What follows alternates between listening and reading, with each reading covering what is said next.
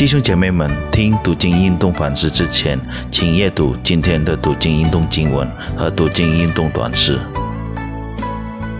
主的弟兄姐妹平安，感谢上帝，我们可以再次来到上帝跟前，思想上帝的话语，来寻求他的旨意。思想上帝的话语之前，我们先同心祷告。天父上帝，我们满心感谢你。因为你对我们的信使，我们才有今天。这时候，你再次呼召我们来思想你的真理，求你敞开我们的心，来明白你对我们说的话语。我们如此祈求，奉耶稣基督的名，阿门。我们今天的主题是敬拜时态度恭敬且有秩序。今天的经文取自于《格林多前书》第十四章二十六到四十节。我鼓励大家可以把今天的经文读完。我今天给大家读第二十六节。弟兄们，这却是怎么样呢？你们聚会的时候，个人或有诗歌，或有教训，或有启示，或有方言，或有翻出来的话。凡事都当招救人。尊的弟兄姐妹，根据今天的经文，敬拜或信徒的聚会，应该是给全体会众带来益处。在第二十六节说的监视性，这原则适用于敬拜的每一个元素，包括会众歌唱。牧师、传道人传讲上帝的话，其他运用他们个人的属灵恩赐配合侍奉的，那些为服侍族做出贡献的人，领唱的诗班、讲道、招待员们，必须以爱作为主要动机，以间接性的话语或能够增强其他信徒信心的方式参与服侍。在经脉中，人人都必须恭敬且顺序的进行，即便有圣灵的恩赐领导，也没有理由任凭混乱情况发生。混乱的发生干扰了上帝在信徒们当中度善供的计划。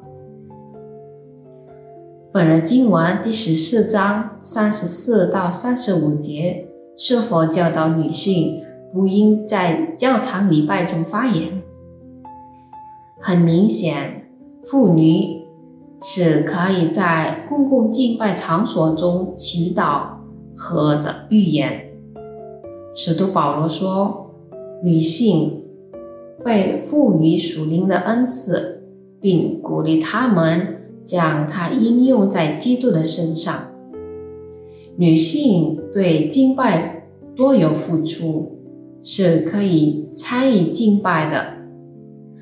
在哥林多文化中，女性不得在公共场合与男性针锋相对。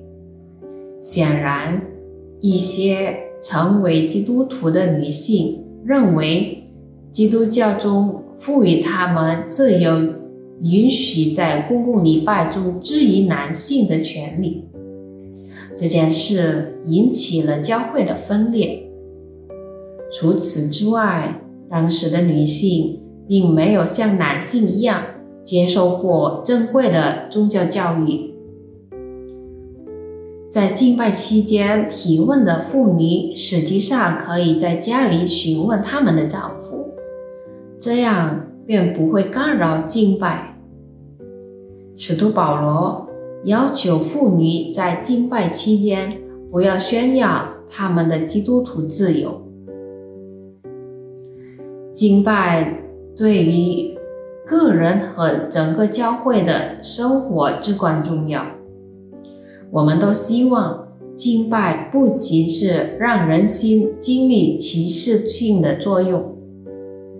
产生关于上帝、我们自己和他人或世界的积极看法，并且也经历变革性的作用，把我们变成更完善的人，即便得更像基督，敬拜时也必须态度恭敬和顺序进行。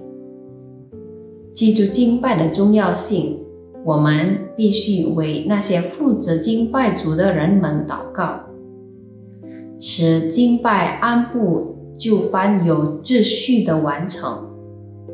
我们也能以庄严恭敬的态度参与敬拜。主内弟兄姐妹，我们可以来审查我们自己，在敬拜上帝的时候。我们的态度如何？是否袖手旁观，好像在看表演似的？或者我们边敬拜边看手机？或者我们积极的，并且以恭敬的态度来敬拜救赎我们的主？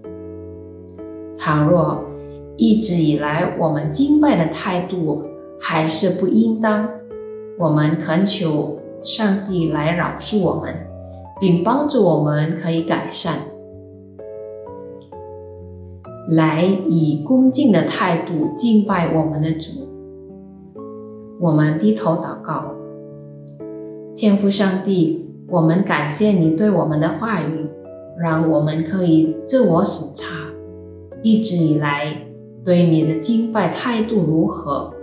求你帮助我们，可以积极并有秩序的参与敬拜，好让我们不影响其他会众敬拜时的注意力，让我们的在敬拜的时候唯独可以专注于你。我们如此祷告，奉靠耶稣基督的名，阿门。上帝与我们同在，阿门。